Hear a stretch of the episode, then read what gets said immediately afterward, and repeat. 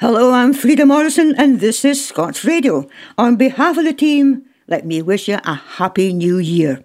We set off in our usual style that befits a team that, despite the weather, is destined to bring you joyous mirth and merriment.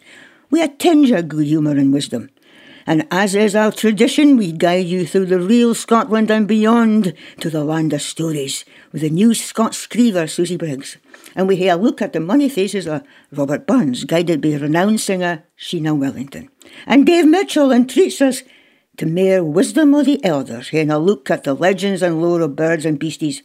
And there's music, all wrapped up in a complete miracle that is devised and driven by our technical wizard. Come in, Mr. Richard Werner. Aye, Happy aye. New Year! Happy, Happy New Year, Year dudes! Frida! Yay! Hey. Did you have a good Hogmanay? I had a great time. I was out playing drums at Achilles, so I've, I've had a great time. What about the bairns? Did they have a good in or did you have to put oh, them to bed? Absolutely. And they well, we I took them to Achilles during the daytime, so they got their toes tapping too. So we've all had a good dance. oh, fabulous. I wish I could have joined you for that as well. Aye. Anyway, can I hang about? Busy as usual? We start as we mean to go on, with music. And Fit Why Nay. And that's our new title and theme for this year's Doric Film Festival, Fit Why Nay. This is Manran we are track for their album Urar, and this is Crossroads.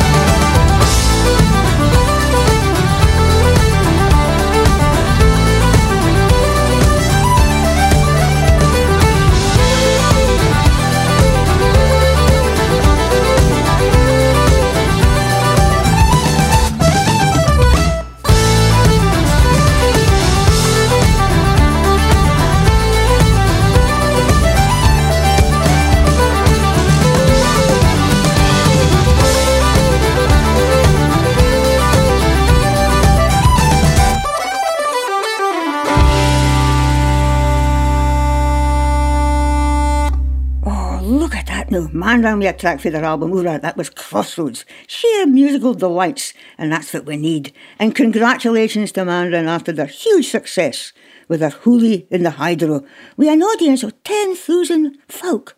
Jeepers, the lineup included Julie Fowlis and the Hebridean Baker. And I have his book, and I like his books. I'm promising to learn how to cook, so I'm starting with the Hebridean Baker. And congratulations to Julie being awarded Musician of the Year at the Trad Awards recently. Great. Right. Now, I need to introduce Fars Weirs in this episode. Starting with a regular team member, past curator of the Edinburgh Botanics, Vice Chair of the National Trust for Scotland, come in, Mr. David Mitchell. Happy New Year, Dave! Aye, Frida, Happy New Year to you. Me here, Gideon. Ah, well, I did you hear quieting? Wild parties, Oh, I had a quiet New Year. You can't, I, I'm, I'm getting past all that shenanigan. I just got in my bed now, you can. Oh, gee. It may, well, I suppose it is sensible. Now, tell us what about your focus. What's your focus in this episode, Dave? Well, I'm going to build on the theme we started at four, and I'm going to be talking this time about birds and Celtic folklore and mythology rather than about mammals and what have you. You know, we're going to carry on talking about the birds. Looking forward to that. And we are delighted to be able to welcome to the programme the National Library of Scotland's new Scots Scriever, representing Galloway. Welcome, author and storyteller Susi Briggs. Susi, hello.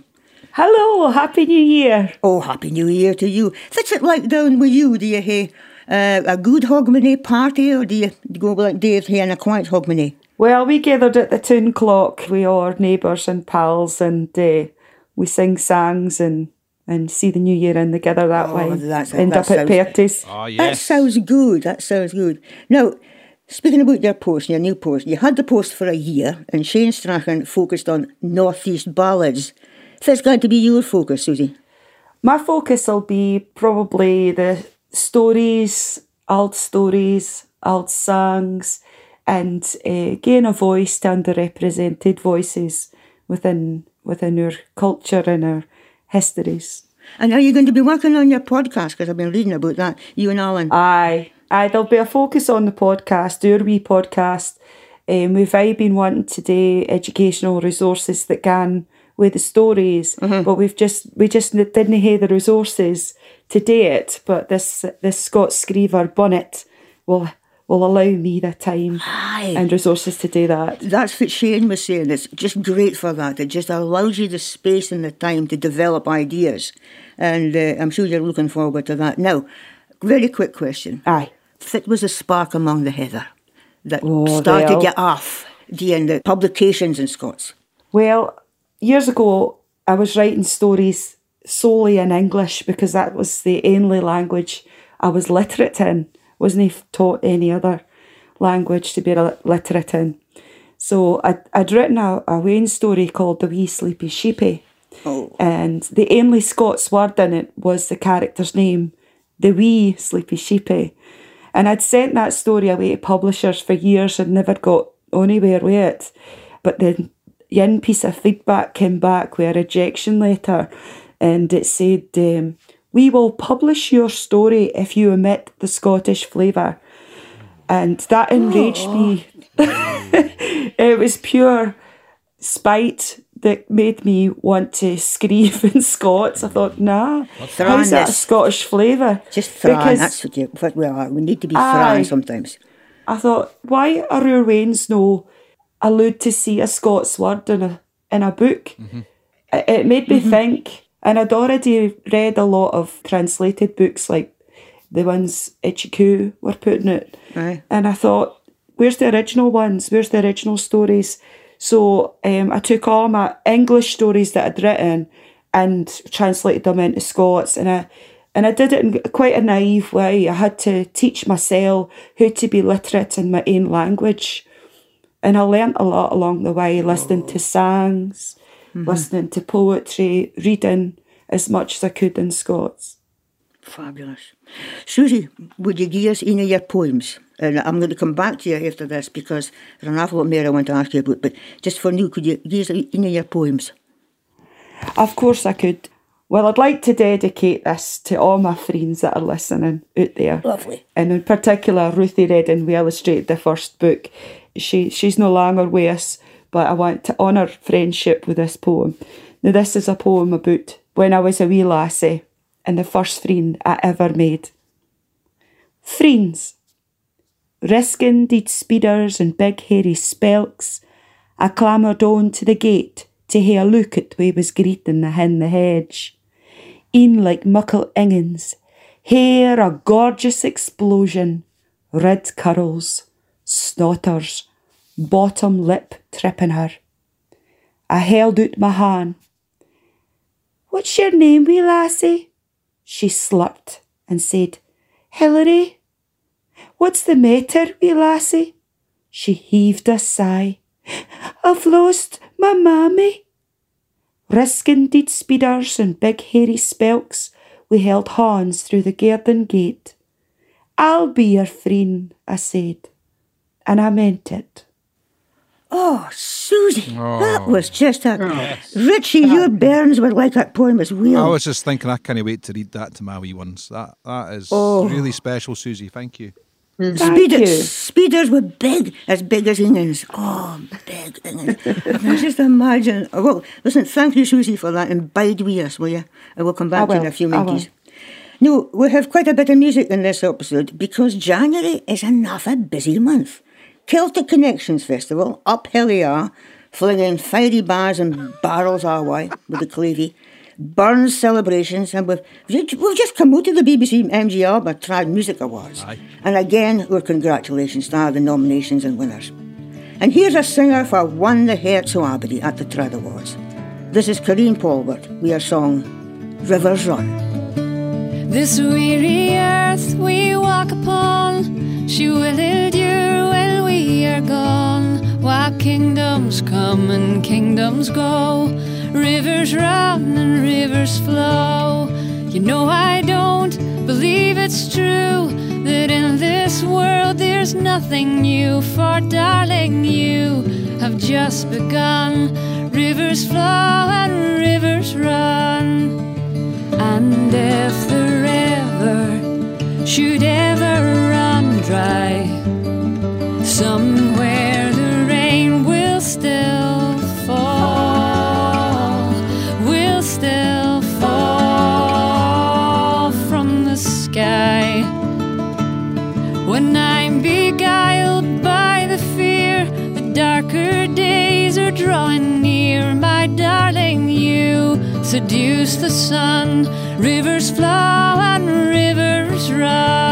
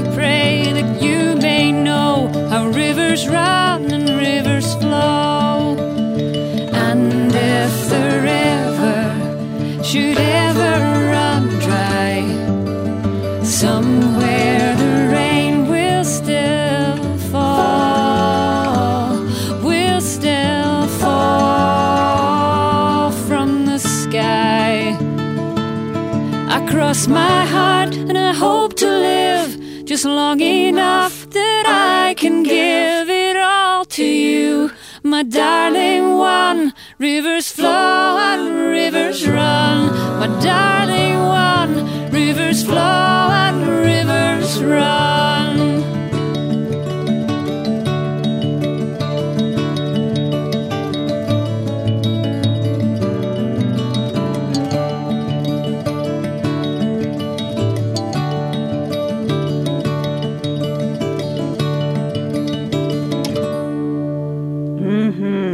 Polwart with Rivers Run. And now welcome our next guest, for I was sitting with us at the Trad Awards listening to Karine Polwart singing on stage. And it was just a delight. Our guest embraces and embodies our traditions and song as well. And again, she was thoroughly enjoying Karine's singing that night. Sheena Wellington, welcome to the programme. Are you there? Hello, Frida, good new year to you and to everybody else. And yeah, you're right enough. I, I thought that Karine is just the very essence of, of the best of us, if you see what I mean. Aye. Aye. Uh, great, a great singer and a lovely lady. It, it, it was a treat, wasn't it? It just you could have heard a pin drop in that room. Maybe what, how many hundreds of folks sitting there, but everybody just listened to the to the voice and the song and the accompaniment with Dave Milligan. It was lovely. Sheila, we're going to be speaking about your forthcoming workshop at the Storytelling Centre on the 20th of this month. And you're going to be speaking about the money facets of Robert Burns. No. Where do we uh, start? Simple question. Would you manage to capture the money facets of Robert Burns? Well, the thing is, there is a lot to, to say about Robert Burns, and and there's all the different ways that you can tack him. I mean, folk tend to see just the thing that they want to see.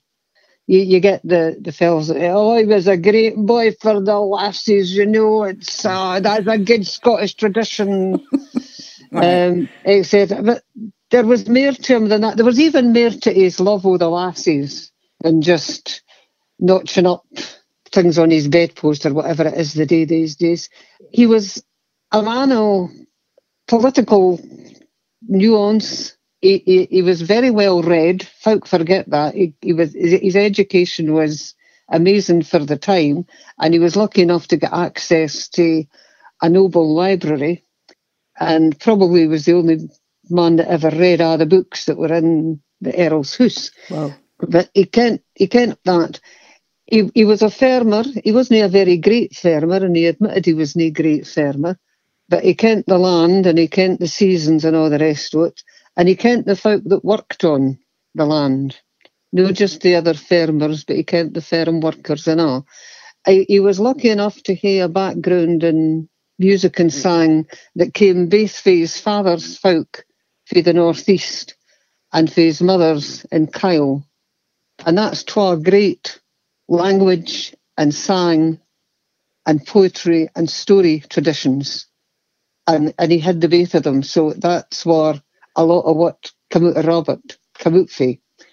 You, you can tack them all ways, as they say. If you if you want to prove something, there's a line in Burns. It's like Shakespeare. There's a line in Burns that proves what you want to prove. Mm-hmm, mm-hmm. It seems you're no sooner trachling with, with, with one of his facets than he, he then he appears with another, and you think, oh, that's complex. I think the word complex is, is the is the way I would sum it up easily. But Yeah. how do you, how do you st- I mean, how do you start with, you've got folk in front of you, and you're going to try and introduce them maybe to Burns for the first time. They've been singing the songs, but they never get about the money a hen the songs. Do you think, do you think it helps them as singers to ken that? This this is actually the thing about it. You can go and sing the songs without kenning anything about them, and they work, and it's rare. And sometimes you'll get folk that sing a Burns song and they've got no idea what the song's really about. I mind in Christine Kidd and I, fine singer that she is, we're doing workshops up in uh, Moray, someplace or other. And this lassie got up and she sang A Fond Kiss. Lovely voice, all the rest of it. And she finished it and we both said simultaneously, What did you sing that for? And her answer was, People say I sing it very well. Oh, Uh-huh. And I, well, you, but do you ken what it means? Do you ken what he sung it for? What the circumstances were? This was his last song that he gave to Nancy McLehose, who was the woman that he had a, a we believe, unconsummated but fairly long-term romantic relationship with. And this was him saying cheerio hen when she was going off to the West Indies to meet her man and he was going back. Well, he'd married by that time. He'd married Jean Armour. Mm-hmm. He was pregnant with, I think, their fourth child at the time. But it had all that nuance and mm-hmm. and if you didn't ken that, and and she said, well, I didn't bother to find out because I don't really like Robert Burns. Oh gosh. okay. At which point well- I looked at Christine. Christine looked at me and we thought, ah. this is a hopeless case. We're not doing any more with this. Uh, quite right. Quite Nancy right. You don't waste McLehose, your was, was she no Clorinda? Is that right? She was right? Clorinda. Aye, that's right. He was Aye. Clorinda, he was Sebastian. Ah, and he, did, I mean, the day, the, the first time he met her, he actually fell out the coach and twisted his ankle or oh. broke his ankle and spent spent weeks lying on the couch writing romantic letters to her, ah. and she was writing romantic letters back, and it was all. So as far as we can, there might have been handy feely things, but there ah. wasn't. There wasn't the full. There wasn't the full shilling. Um, although, Oh, no. of course, he did. Hey, w- there wouldn't have been a Fond Kiss if there hadn't There been. This is No. very true. It wouldn't Yeah. have been the same. No, and that was in his less things. I think because there wasn't the full shilling with Nancy, that was the reason he went for our, our serving maid, Jenny Clow, and Jenny had a bairn to him.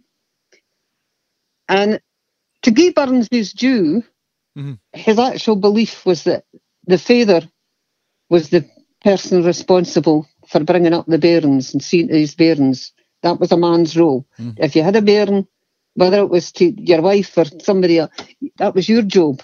You supported the bairn. And he actually wanted to to, to take the laddie, and she wouldn't let him take the laddie. Oh, that's right. And although the laddie was Robert Burns Clow, and he cried his son Robert Burns Clow, and actually did very well for himself, he didn't have any connection, and he never tried to make anything of the fact that Robert Burns was his father. So he was as principled as his mother. I've always wanted to ken more about him, but there's no enough lot in the literature. Aye. I mean, that, that that's the thing uh, uh, about Burns. Where's the beginning? Where's the end? Yeah, He, he- he's, he's, he's so complicated farmer, poet, excise man, Yeah. naturalist. It didn't matter what he touched, he was romantic and passionate and everything. But as you've described it, he moved between worlds mm-hmm. and all different sectors of society. But for me, he was he was awfully observant of people and the natural world. I think I think you're right there. I think he was observant. He he was a man of, of principle, whether you liked his principles or Oh, didn't like his principles. He was a man of principle.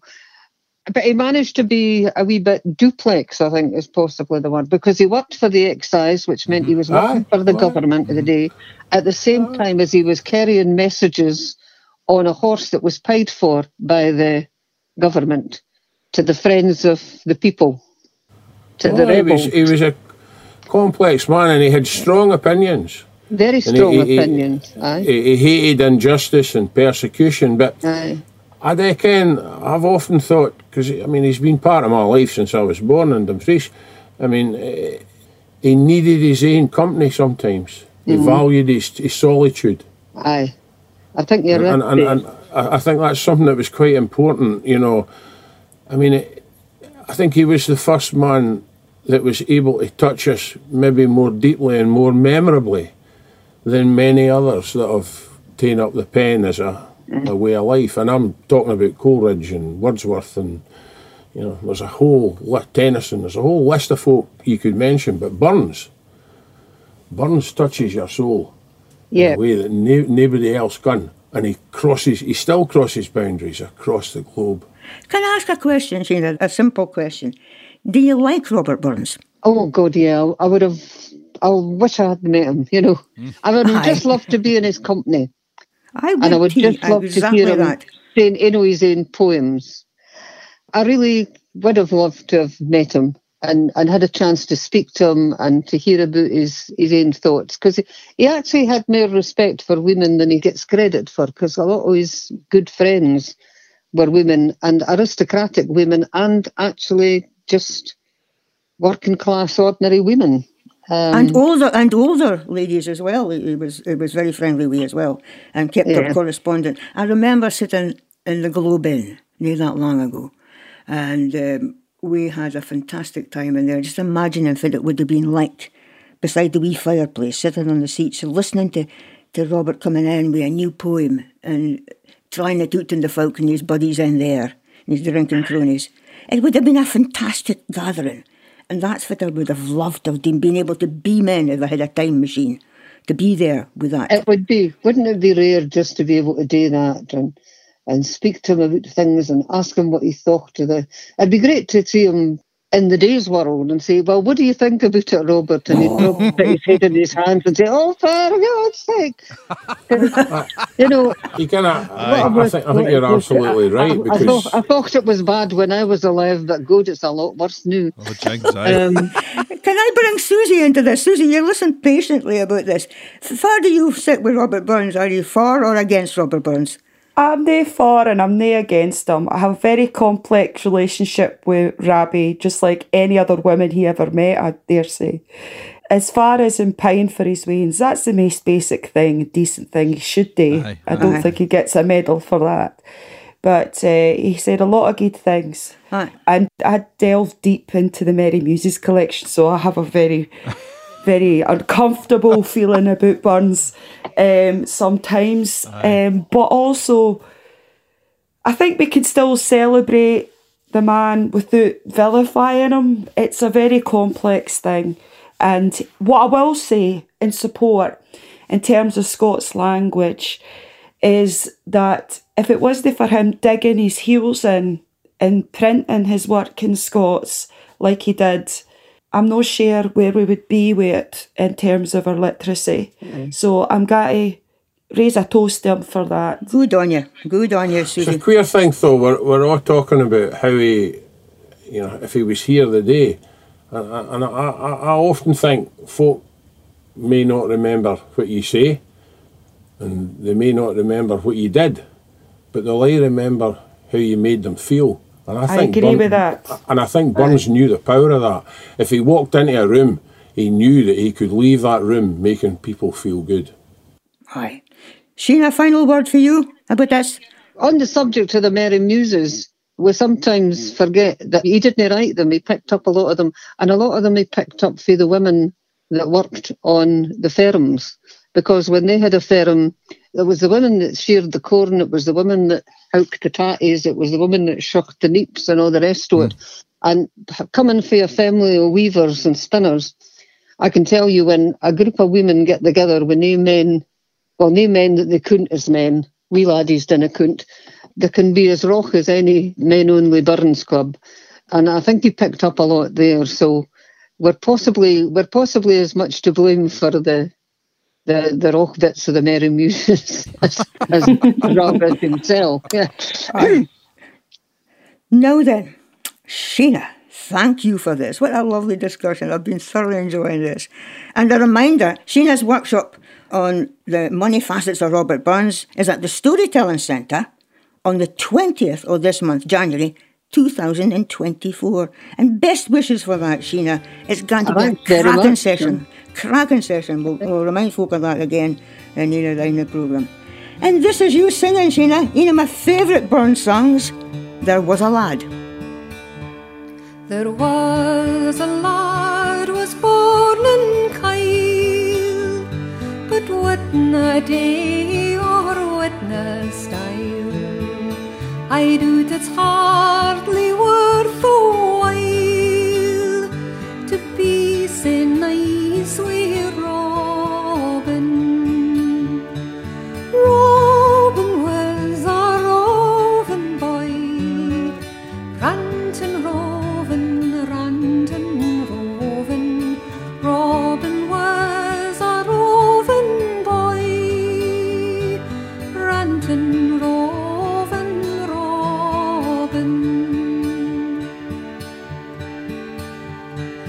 monarch's must year bodian was five and twenty days begun. 'Twas then a blast o' Januar wind blew Hansel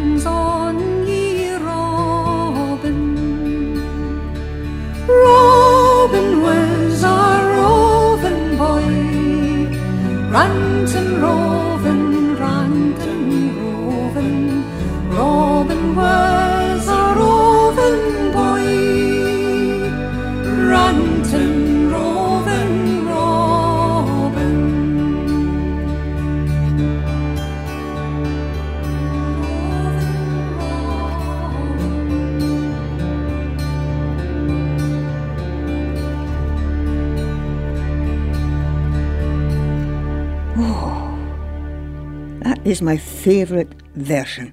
There was a lad through the album Clear Song, sung by my guest, Sheena Wellington.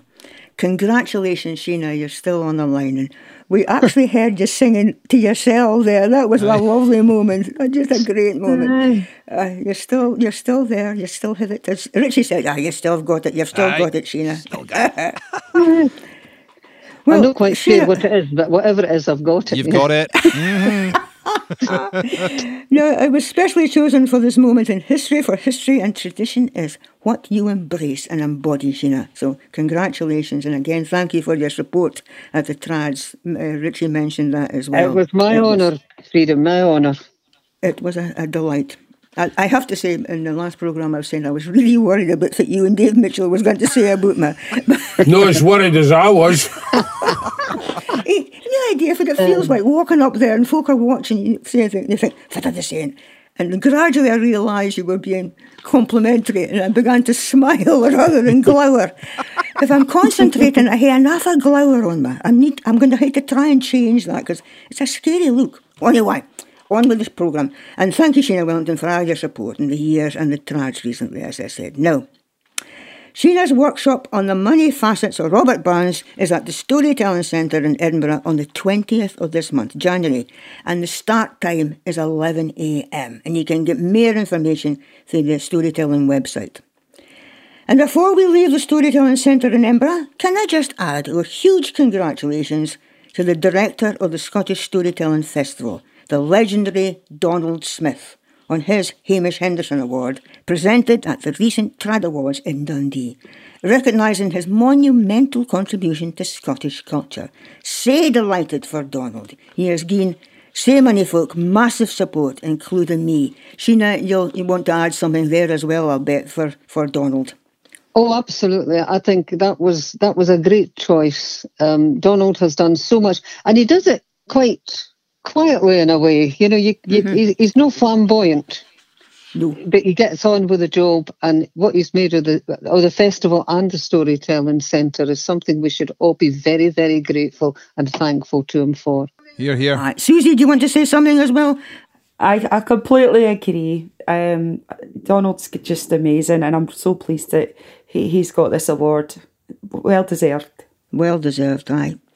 Right, now, if you've been following the scary story, the fiddle player Alasdair Fraser and Natalie Haas in the States, and for the vehicle was broken into, and Natalie had her double bass stolen, but, but she got it back, and there, but there was no sign of Alasdair's fiddle and set of bows. Until now. Good news! The fiddle and bows have been found, and somebody walked into a music shop and offered to sell them. Enough said, we'll leave that there. Anyway, I just have to play of tracks in honour of the returned fiddle and bows and highlight their forthcoming concerts and workshops at the Celtic Connections this year. More information on the Celtic Connections website and a great lineup as usual for the festival, the website www.celticconnections.com. And this is Alasdair and Natalie We are track for their album Abundance, and the track is The Quarryman.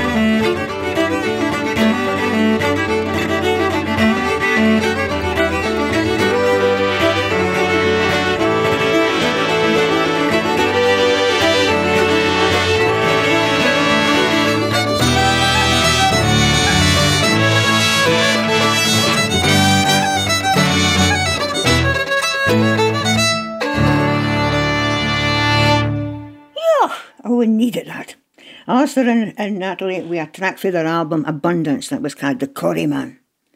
New Quarryman and ah, Dave Mitchell is going to take us into the realms of mystery and magic. He does that on a regular basis every day to me. Now, you said the other day that you had a wheen of Christmas cards with hairs on them. Nae, hair, nae hairy Christmas cards, but with the animal hairs. Now, festive folklore around the hair and the festive season, Dave.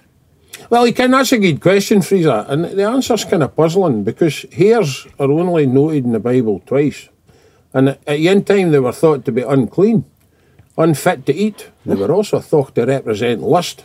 Yeah. But in the Celtic world, the mountain hare, that's Lepus timidus hibernicus, the native hare, and the brown hare, Lepus europaeus, which was actually introduced to the British Isles, in the Celtic world, both of them were respected for their agility and their alertness and their swiftness. Mm-hmm. And they, they feature a lot in the mythology of the British Isles. So here we are again, that link between ancient beliefs and Christian beliefs and festivals. But hares were also linked to Queen Boadicea, released them onto the battlefield prior to action taking place. And Julius Caesar even noted that in his writings. They're linked to witchcraft and fairies and deceptions. They're linked to fertility and Brigit, the goddess of smithing. They're even linked to Manannan. It doesn't matter what you believe. Hares and Christmas cards, hares are part of our lives. They bring joy, they bring mystery, they bring wonderment. And, you know, maybe that's why they're on Christmas cards, because Christmas itself is like family. It's wonderful and precious and something to be celebrated and cherished. And that, that, that's what hares are.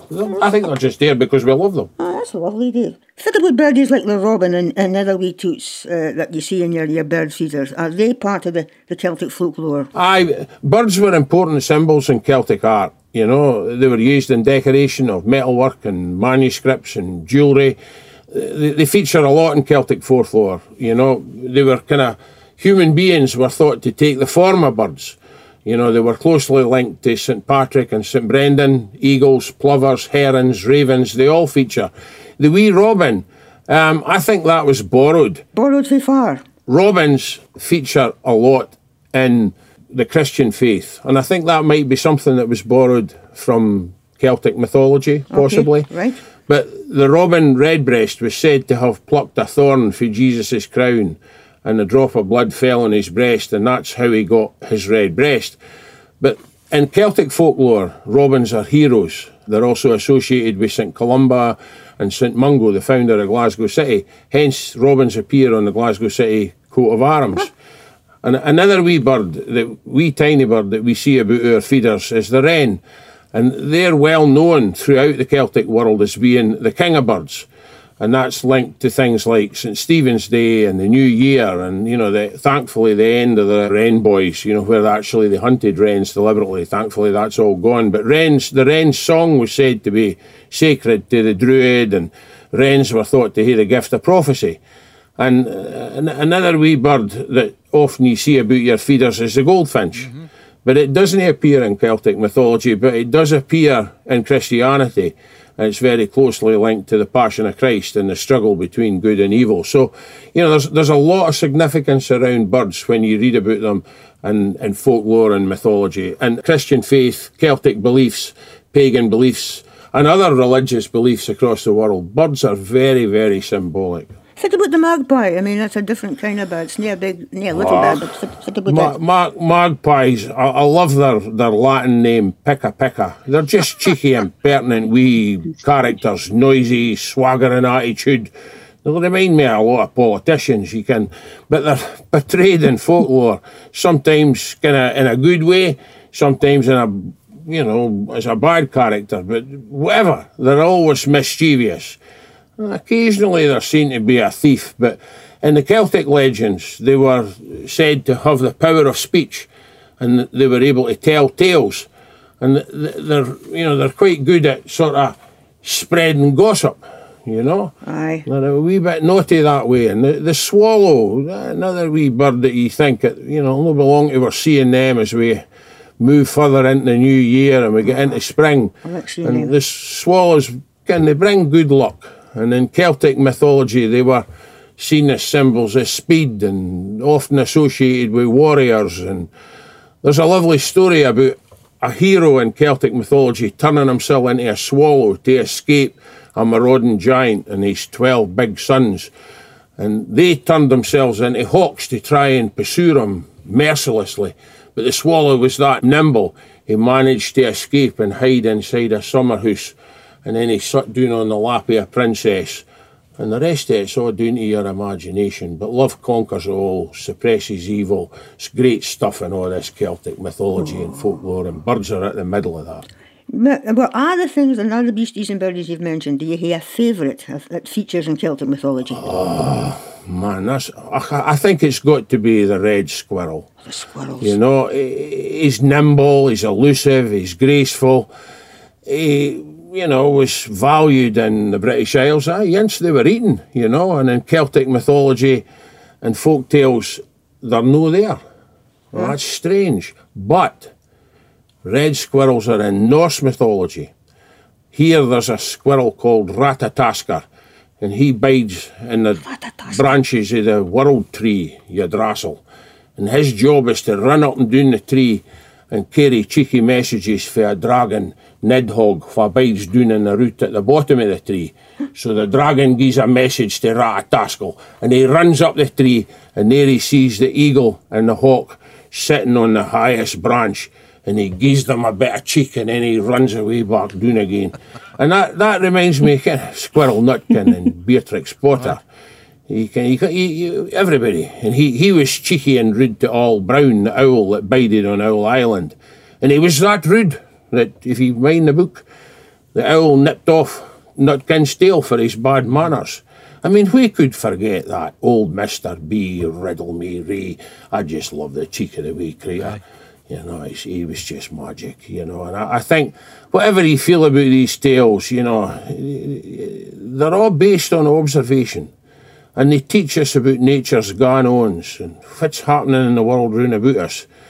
I think that point about teaching us to look at nature is so important as we go forward into the new year. Don't, don't let others, you know, set the pace of life for you. Set your own pace of life. Be happy with yourself. Less is more in money ways. I mean, a lifetime has taught me that riches are no eye in your pooch. They're much more about taking time to mark memories. You know, they really are. Mark memories. Be happy and live in harmony with nature. Good for you. Even if you see Squirrel Nutkin, you can hear a wee dance him. Well, Happy New Year.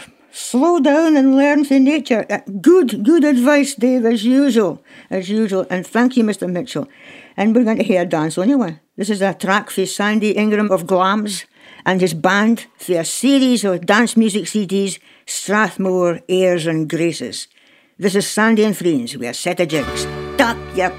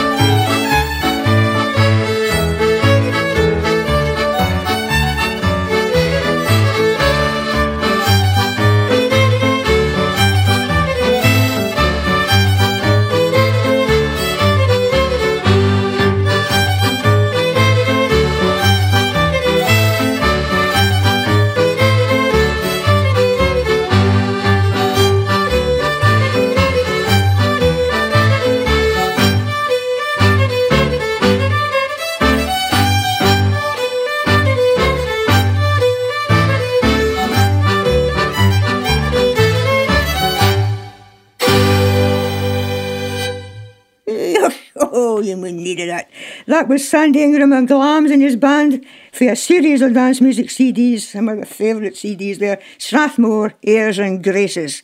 Now then, Another reminder if you're still wondering what book to buy, can I suggest you here listen to the extended interview with writer Billy Kay on our special features website. Billy tells me about his new book, Born in Kyle. It's a love letter to an Ayrshire childhood, and there's some hilarious stories in there. Just the job. And the story of who Davy Crockett broke the heart of Billy Kay will forever bide with me. Can I say more than that? log into www.scotsradio.com. Going to find the special features box. It's a treat. And Billy will be doing readings for that new book, joined by singer Robyn Stapleton. And Robyn sings a selection of Burns songs at a special event at the Scottish National Library in Edinburgh on the 23rd of January from 5.30 to 6.30. And speaking of national treasures and the National Library, the library's new Scots Scriever is we as new Susi Briggs. Did you hear what Dave was saying? I think you can get a lot of inspiration for stories out of names like Yggdrasil and Nidhogg. That was a lovely, lovely piece of things. Oh, absolutely brilliant. It's just so inspiring. Aye. Now, before we go, I'd awful like to hear another poem for you. But before that, now you start in your year as a Scots Scriever. But do you think this post will bring it? I can you'll say it's more, more spaces for you to do uh, more creative things, but who do you hope will be the contribution because of the post? Well, the role of Scott Scriever brings a gravitas to the lead that no tourist tea towel ever could. We're that used we see in our language and its diverse dialects displayed for commercial gain in couthy gift shops across the country, and I'm no dinging that doon. It is what it is and it keeps the lead visible. Aye. But to have a specific role set aside to create new Scots language screeving and events to go alongside that to celebrate it really puts the lead back into the moose and the pens of folk we are paying attention. It belongs to us and it comes for us. We are the Scots speakers in this nation and, and abroad. And I just think I just think it's a, an amazing thing and it's allowing me the space to express myself in the best way possible. I think that just puts it puts it in a nutshell, Susi. That's awful well put. Now, can I get a favour for you? Can I hear another poem before Aye, we go? of course you can. I'd like to read you The Hert's Kist. Oh, lovely. I'm dedicating it to my friend Blue Eyed Peter, where I met while doing music matters in care homes. The Hert's Kist. Sing, then unlock my Hert's Kist. It is fu wi' skinkling treasure. Burl wi' me in the skirling rainbows where we let the licht shine in. Watch as my love wanders back to me, and I gather her into my arms. In the mists of these memories, our sang is the brig, our heart's love eternal. Oh, Susi, that was just cracking stuff. Sheena, do you want to say something there? Oh, that that is just it just says it, you know, it it oh, I'm really excited about your appointment, Susi. I think we're going to get great stuff out of this. What is it about Dunham that produces poets of the calibre and quality that it keeps on doing? I've no idea. It must be something in the latter. I don't know. Probably. But thank you. Thank you Oh, so much. I'm very honoured that you think so well of me. Thank you. I, I think you'll do grand stuff. And for me, I, I think Galloway's landscape flows into the veins of the poets in a way that it doesn't do in any other area of Scotland. That's a very poetic way I of think putting you're it. right, Davy. yeah, I think you're right there because I think Galloway and the lands about it are the are the bonniest part of Scotland and the most interesting part of Scotland. Apart from Dundee, of course. Ah, I knew that was coming. Well, you know what? Aberdeenshire has a lot going Oh, for it as well. Again, Aye. Can I mean, Pretty aye, nationwide, can, aye. can, aye. oh, thank wa- you, Susi. All the Thank you, airs and Susi. parts, all the. Oh, thank you, thank you, Susi, and, and best wishes for your Maca year. And Susi, please join us again, and Sheena, please join us again. It's just been an absolute treat hearing you both with us. You Oh, it's us. Thank you very much for hearing me. And that just about takes us to the end of this episode of Scots Radio 2024. And I hope you've enjoyed listening to the stories and enjoyed the company.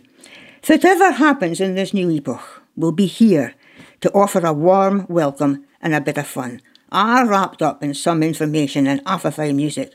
So we had gone.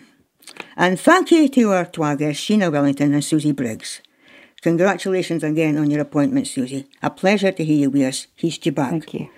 Now, some folk will have heard of the passing of renowned Northeast broadcaster, athlete, singer, songwriter, and writer Charlie Allan. I worked with Charlie for two unforgettable years, producing and presenting Scottish Farming News on BBC Radio Scotland. So many happy memories and some amazing adventures. Charlie was never happier than we as are celebrating and singing. Wherever he went, there was fun, and whatever the room he was in, people kent he was there. He leaves us with a song in our heart. And as a tribute, we finish with a track for Charlie's song album.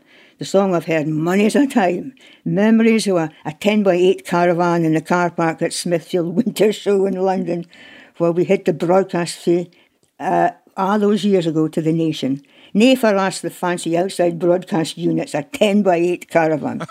That's another story for another time. But in this time, thank you, ah, for your company. May the wind be at your back and your tackets never roost. Ready, folks? Glasses charged. One, two, three. Cheers! Cheers! Cheers. Cheers. And this is Charlie singing The Blue Grey Coo. I was asked to bide on at the place that I was feet When the young man took over from the all man deed. I was never sair work it, I had plenty time to news For all I had to sort was twenty blue grey coos. My blue grey coos, my blue grey coos. I'm off, off a fond of my bonny, bonny blues. You can huddle all your smelly pigs and cock-a-doodle-doos For I've got a smashing herd of blue grey coos a day he said, Man Jimmy, I'm sad to say Your bonny little blue goose just in a pay. And Fitty did next nearly got me greet For he sent my bonny blue goose down to Bach and meet My blue grey coos, my blue grey coos I'm off, off a fond of my bonny, bonny blues. You can huddle while your smelly pigs and cock-a-doodle-doos For I've got a smashing herd of blue grey coos he got Heinawa to Italy and Germany and France, and the note that he sent him fairly led me a dance. They had high tails and humpy backs, the like you'll never see, just like a pack of greyhounds the size of Bennachie, like my blue grey coos, my blue grey coos. I'm off, off a fond of my bonny, bonny blues. You can huddle all your smelly pigs and cock-a-doodle-doos, for I've got a smashing herd of blue grey coos. The Charolais were first him and they were great big nout. If only you could get a coo to shove the crosses out. The Chianina had long legs, it ran very fast. At first he made a quick bound, but it fairly didn't last. My blue grey coos, my blue grey coos. I'm off, off a fond of my bonny, bonny blues. You can huddle all your smelly pigs and cock-a-doodle-doos. For I've got a smashing herd of blue grey coos fae Germany and Switzerland. He got some Simmentals and when my neighbours saw them they didna hide their smiles. There was light ones and white ones and some were off a dark. The trouble with the breed was the witna colour bark me like my blue grey coos my blue grey coos.